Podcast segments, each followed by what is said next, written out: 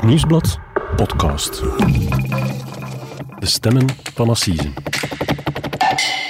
Hallo, ik ben Pieter Huibrechts, misdaadjournalist bij het Nieuwsblad. En ik ben Cedric Lagast, journalist bij diezelfde krant. En dit is onze podcast Stemmen van Assise, waarbij we voor elk belangrijk proces in een zaak duiken. De zaak die we deze week bespreken is de moord op Suzanne Thibault, een 93-jarige weduwe. De vrouw die daarvoor volgende week voor een assisejury moet verschijnen, zal de oudste ooit zijn in ons land.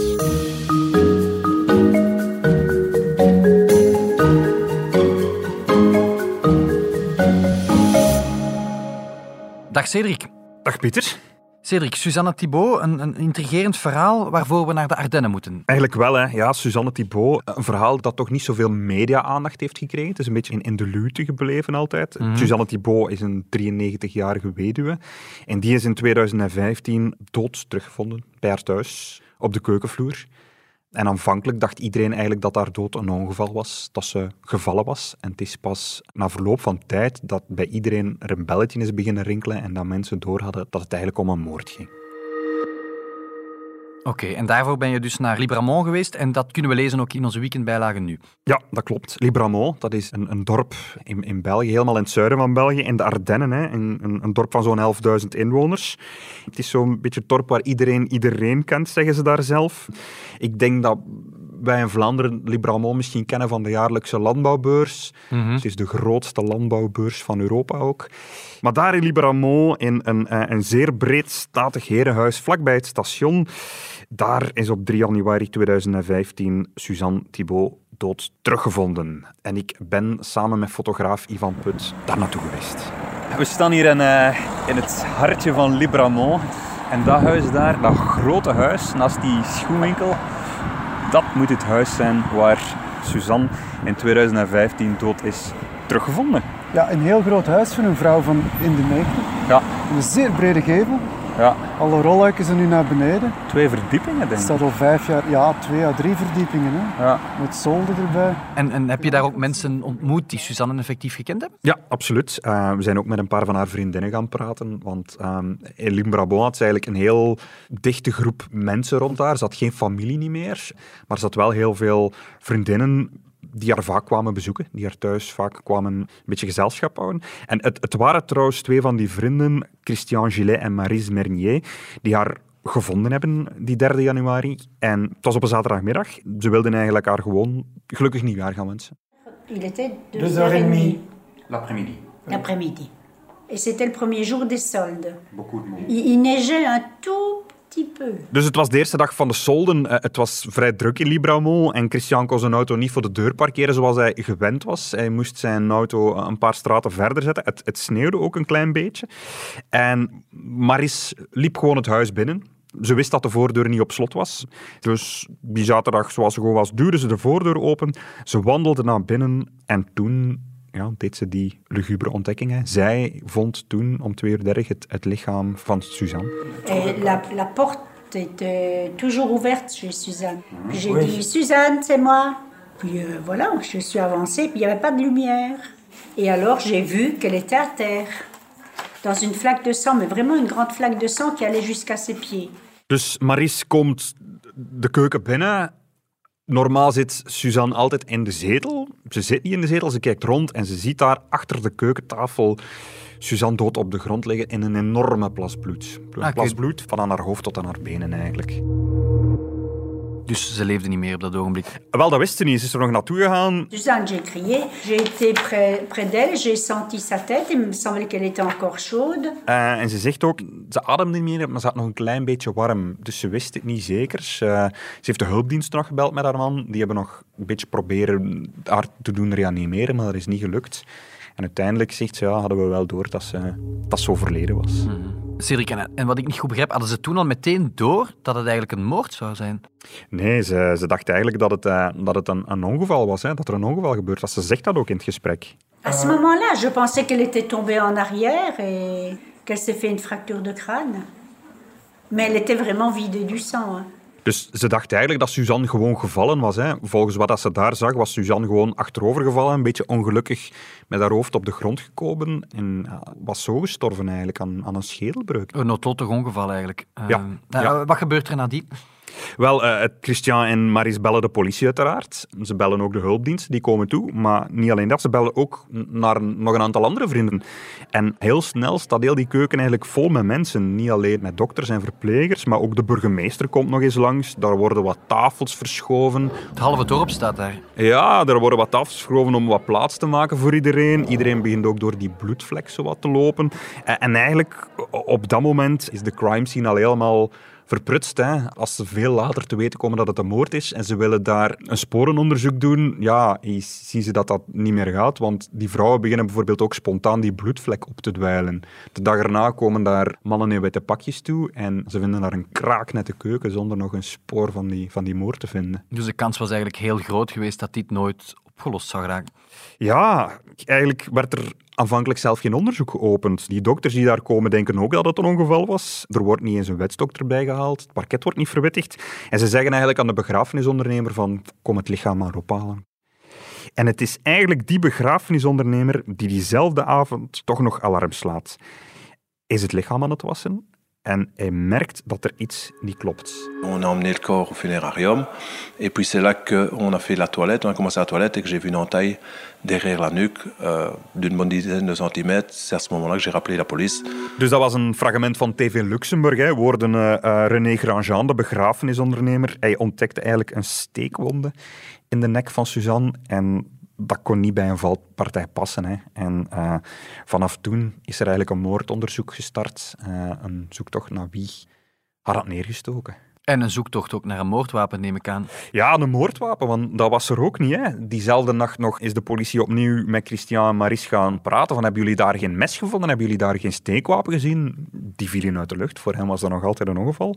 En dat mes is eigenlijk een dag later gevonden. Hè. Dus die... die die speurders komen die kraken net de keuken binnen. En een van die agenten trekt toch nog eens de besteklade open. En daar tussen al het bestek van Suzanne ligt één bebloed steekmes. Dus de dader heeft het moordwapen gewoon daar terug in. Gewoon in de keukenlade gestopt en vertrokken. Voilà.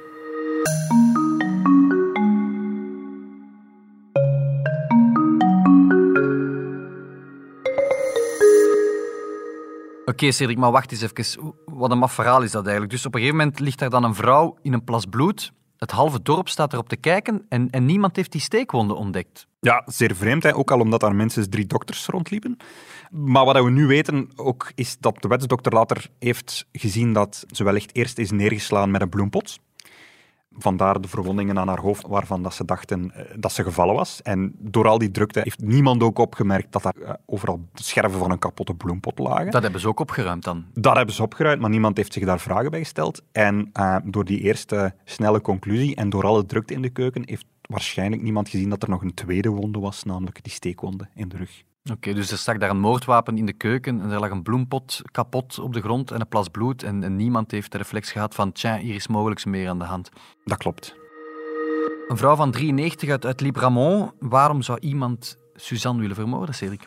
Ja, dat vroegen haar, vrienden zich ook af. Hè. Um, ik, met al de mensen die ik daar heb gesproken, die zeiden allemaal dat er eigenlijk een heel lieve, vriendelijke vrouw was. Een, een brave vrouw ook. Haar eerste man, Gerard Etienne, die was al een tijdje gestorven. En die man had altijd een garage gehad in Libramont, waar hij auto's verkocht. Zij werkte in een, in het tankstation eigenlijk. En um, ze was daarna nog een tweede keer getrouwd met Georges Kuhn. Die man was ondertussen ook overleden. Ze had geen kinderen meer. Um, haar enige zus was ook overleden, maar ze had wel een hele een groep dichte vrienden rond zich. Zo'n 10, 15 mensen. Merendeel ook eigenlijk zelfstandigen uit Libramont, die net als zij vroeger uh, ook een winkel hadden gehad in, in het centrum van Torp. En uh, die bleven haar nog altijd bezoeken. Ze deden voor haar boodschappen en haar hele leven speelde zich eigenlijk af in, in, in dat groepje vrienden.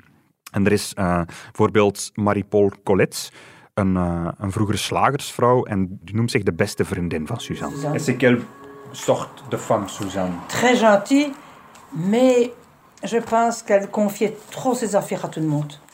Mais très gentille, très gentille. Et puis, elle parlait à tout le monde. Elle était gentille, mon Dieu. Oké, okay, we hoorden hier Marie-Paul Colette dus. Hè? Um, Die schetst een beetje een, een, een beeld van een, van een iets wat goedgelovige, Susanne? Een, een vriendelijke vrouw, maar iemand die, die nogal snel, misschien te snel vertrouwen had in mensen. Hè? Ja, inderdaad. Ja, maar natuurlijk, ja, daarmee is het nog altijd niet duidelijk van wie in godsnaam wou haar iets aandoen. En vooral waarom, hè? Er was niks verdwenen uit het huis. Haar portefeuille met, met 200 euro erin, dat lag daar nog altijd op een kast. De, de kasten zelf waren niet doorzocht. Het was geen roofmoord. En nogthans, Suzanne was wel vermogend. Ze zat er warmpjes in. Al haar vrienden wisten dat eigenlijk. Haar man was een succesvolle ondernemer geweest. Ze had het huis van hem geërfd, de garage, nog een aantal panden en gronden. En, en toen haar zus stierf in 2004, die zus was ook redelijk bemiddeld, had ze ook nog eens het fortuin van haar zus gekregen. Dus ze had wel wat geld. Quelques personnes qui, qui allaient pour son argent. On sentait, on voyait ces gens-là. On les voyait. Ben, on savait que sa sœur était riche. Hein. C'est sa sœur qui lui apporter une partie de son. Ja, ze vertelt dat iedereen eigenlijk wist dat Marguerite, de zus van Suzanne, eigenlijk ook een grote erfenis had nagelaten aan Suzanne. hè. Suzanne had zelf geen kinderen, ze had geen erfgenamen. En de politie is in dat verhaal eigenlijk altijd het motief blijven zoeken. Ze zijn altijd ervan uitgegaan dat als een vermogende vrouw vermoord wordt, dat het dan om de centen moet draaien. Klinkt niet onlogisch. Nee.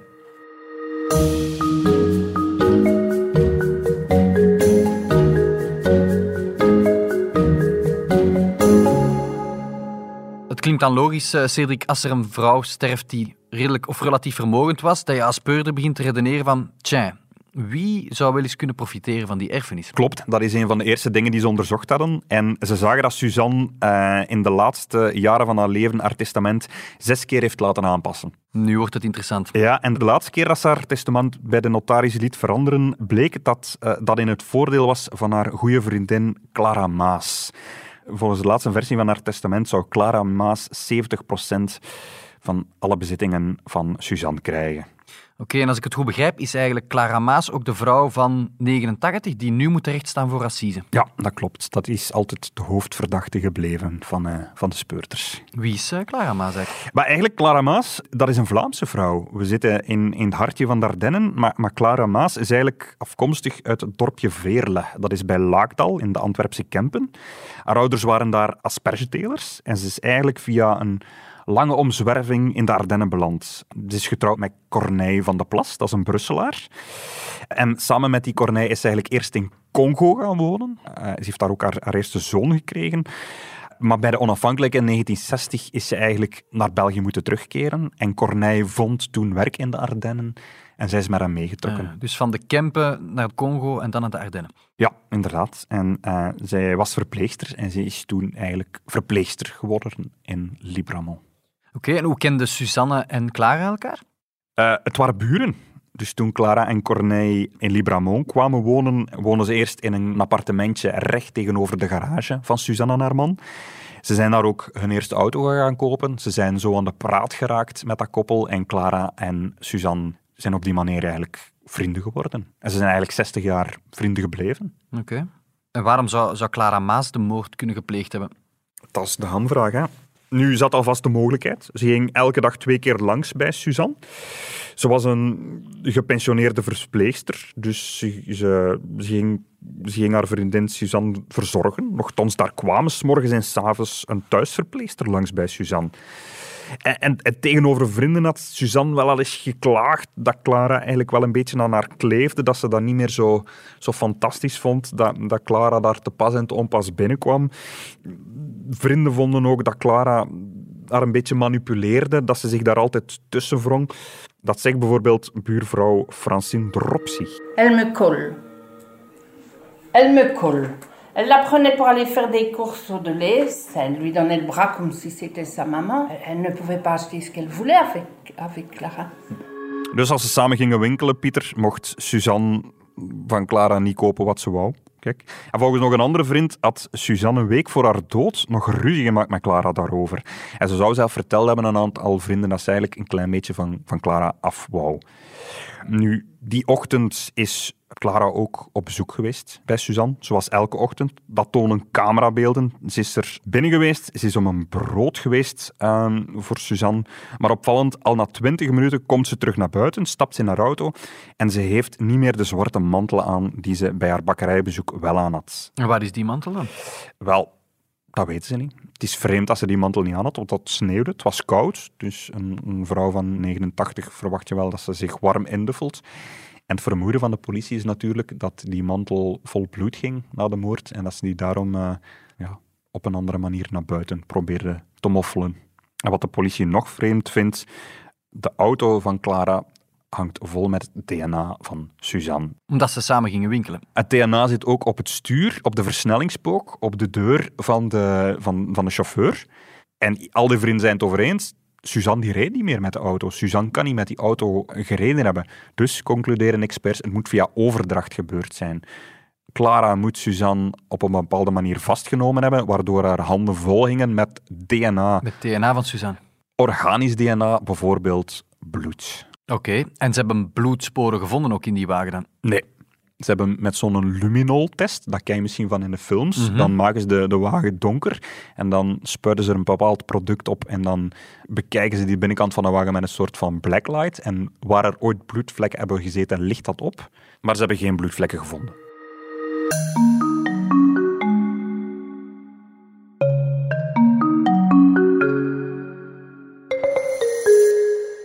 Het assiseproces gaat door in Aarle, Arlon. eh, ooit het decor van het grote Dutroux-proces. Ja, Ehm, klopt. Wie zijn de advocaten in die zaak, Cedric? Wie doet er mee? Maar het zijn mensen waarvan ik vrees dat wij ze in Vlaanderen niet zo goed kennen. Ehm, de advocaten van Clara Maas zijn eh, meester Émilie Romain en Alexandre Mignon. Het zijn twee Luxemburgse advocaten. Mhm. En ehm, de familie van Suzanne die heeft ook een advocaat onder de arm genomen. Mark Kouten, een bekende advocaat in Luxemburg. Iets minder bekend hier in Vlaanderen. Ik zeg familie, want we hebben natuurlijk net gehoord dat ze geen familie had. Maar er is nog een verre nicht van Suzanne die in Canada woont. En die zich vanuit Canada het laatste jaren zich heel hard heeft ingespannen om, om er toch een proces van te doen komen. Oké, en kan die naar, eh, naar Arlon afzakken? Nee, nee, nee. Door eh, de coronapandemie kan ze niet naar België afreizen. Dus ze heeft zich vijf jaar ingezet voor gerechtigheid voor haar verre tante. Eh, maar ze zal het proces niet zelf mogen bijwonen. Cedric, wie is de procureur in de zaak? Wel, Pieter, ehm, de aanklager in deze zaak is Anne-Sophie Guimot. Maar eh, een bekendere naam misschien is die van de allereerste onderzoeksrechter. Dat is Jean-Marc Connerot. Jean-Marc Connerot, is ooit nog de, de populairste onderzoeksrechter van het land geweest, denk ik, ten tijde van eh, Marc Dutroux. Inderdaad, eh, die was ook onderzoeksrechter in het onderzoek naar Marc Dutroux. hè. Je hebt daar ook nog artikels over geschreven, denk ik. Ja, ja, ja, hij is toen in, in opspraak gekomen met het befaamde spaghetti-arrest. Voor zij die dat vergeten zijn, dat was destijds was hij op een, op een etentje eh, van de familie van de, van de overlevende slachtoffers van Marc Dutroux. Hij heeft daar een spaghetti gegeten, ja, hij heeft daar een vulpen gekregen, zijn vrouw heeft een, een, een boeketje bloemen gekregen en hij is, daar, eh, ja, is daarmee in opspraak gekomen, omdat dat partijdigheid was en dergelijke. Eh, ehm, Het heeft tot veel betogingen geleid, denk ik, in ons land. De befaamde Witte Mars in Brussel. Ja, 300.000 eh, betogers. Ja, inderdaad. Ehm, hij is daarna onderzoeksrechter gebleven in Luxemburg. En hij is de onderzoeksrechter die in deze zaak in januari eh, het onderzoek heeft opgestart. En uiteindelijk ook Clara Maas in verdenking heeft gesteld. Oké, ik dacht eigenlijk dat die, die periode met pensioen is gegaan. Ja, dat klopt. Eh, hij heeft in juni 2015 Clara Maas in eh, verdenking gesteld. En een paar weken later is hij met pensioen gegaan en heeft hij het hele dossier eigenlijk aan een collega-onderzoeksrechter eh, overgedragen. Ja, Oké, dan, dan is dat mogelijk zijn laatste grote zaak geweest, want ik heb destijds een portret van hem gemaakt als hij op pensioen ging en, en dan, dan stond de teller op 2400 zaken. Dit zou de allerlaatste zaak uit zijn carrière kunnen geweest zijn. Dit zou nummer 2400 wel eens kunnen zijn, ja.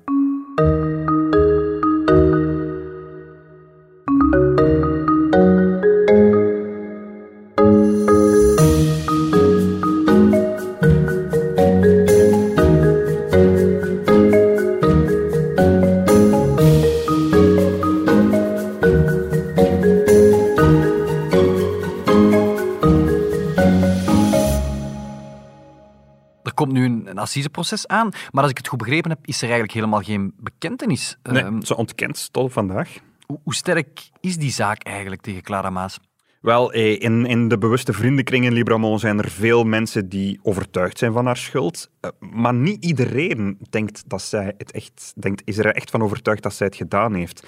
En eigenlijk stalharde bewijzen van haar schuld, die liggen er hier bij de start van het proces ook niet op tafel. Hè. Het is allemaal een beetje omstandig bewijs, zo- zoals we dat zo kunnen noemen. is wel degelijk die ochtend in dat huis geweest, maar dat was op zich niet uitzonderlijk. Het is eigenlijk niet duidelijk of er daarna nog iemand anders in dat huis is geweest, want de voordeur, zoals we gehoord hebben, die stond gewoon altijd open. Iedereen kon daar gewoon binnen wandelen.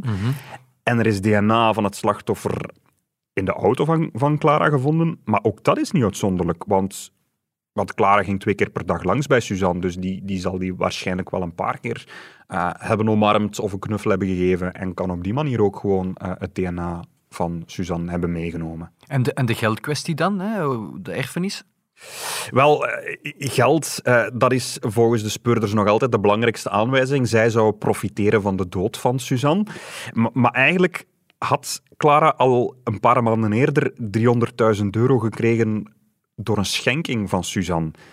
En, en wat ze na de dood van Suzanne nog zou erven, was eigenlijk veel minder dan die 300.000 euro die ze al gekregen had. Ah, Oké, haar doel was eigenlijk al bereikt, zogezegd. Als Eigenlijk geld wel. het motief zou zijn. Ja, ja, ze zou nog krijgen, maar ze had al een, een, een belangrijke som gekregen. Hè.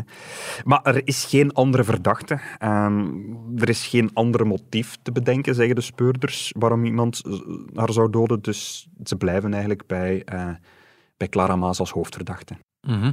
Waarom dat we in deze podcast ook inzoomen op die, op die zaak in, in, het, in het verre Arlon, in het verre Libramont, is ook de leeftijd van de beschuldigden. Hè? Hoe, hoe uitzonderlijk is dit eigenlijk? Ja, heel uitzonderlijk. Hè. Ze is de oudste vrouw, voor zover wij weten, die ooit in België voor assisen eh, moet komen. Er is een leeftijdsgenoot eigenlijk. Er is in 2012 nog een 89-jarige man die voor, de, voor het Leuvense Assisehof is verschenen.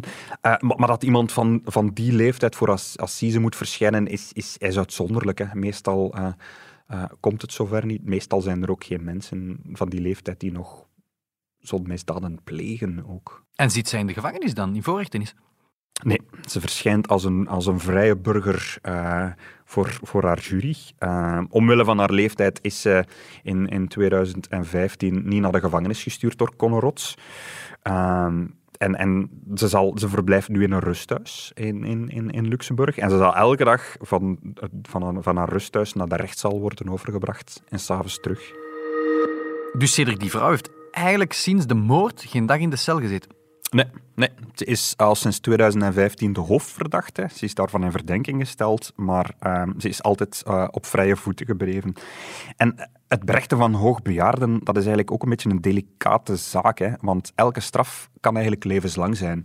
Als een, een dertiger eh, veroordeeld wordt voor een moord en, en, en 30 jaar cel krijgt, die kan daarna nog een, een, een, een vrij normaal leven opbouwen. Maar als een, een, een hoogbejaarde persoon vijf jaar cel krijgt, kan dat, blij, kan dat levenslang blijken zijn, te zijn. Hè. Die persoon Natuurlijk, ja. kan sterven in de gevangenis. Dus eh, ze houden daar, ze houden daar ook wel rekening Dat gaat mee. meespelen. Want die andere 89-jarige man waar ik, waar ik over sprak in Leuven, die had eigenlijk een vrij flagrante moord gepleegd. Die had zijn eh, vriendin met 48 messteken ehm, om het leven gebracht. Die is, eh, die is op heterdaad betrapt bijna.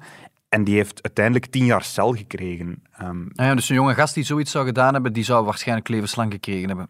of toch een veel zwaardere straf. Maar hier is zijn leeftijd toen als verzachtende omstandigheid in, in overweging genomen. Mhm. En als ik, het, als ik het goed begrijp allemaal, die Clara Maas ontkent dat ze die moord gepleegd heeft, dus die gaat resoluut voor de vrijspraak. Ja, absoluut. Zij zegt, ik heb Suzanne niet gedood, ik heb dat niet gedaan, eh, ik wil vrijgesproken worden. Zoals in elke Stemmen van Assise, Cedric, eh, hebben we ook het eh, deskundig advies gevraagd van eh Brussel strafpleiter eh, Sven Marie. Oké. Hij laat zijn licht schijnen over deze fascinerende kwestie en, en ik vroeg hem hoe hij de kansen van Clara Maas inschat. Indien zij schuldig zou worden bevonden, het eerste punt is haar blanco strafregister. Eh, deze 89-jarige vrouw heeft nooit of te nimmer een eh, probleem gehad met het eh, gerecht. Het tweede punt dat gaat meespelen is natuurlijk de hoge leeftijd. Dus ik denk hoe dan ook, wat het resultaat zal zijn, de veroordeelde, indien mevrouw wordt veroordeeld, uiteindelijk niet naar de gevangenis zal moeten gaan. Dat is mijn mening. Dat is duidelijk. En daarmee, Cedric, zijn we al aan het einde gekomen van onze podcast. Absoluut. Rest mij nog u te bedanken. Graag gedaan. En over twee weken zijn we er terug met een eh, nieuwe Stemmen van Assisen. En dan gaan we naar Leuven, Assise Leuven. eh, nemen we de eh, moord van op een gepensioneerde paracommando onder de loep. Spannend.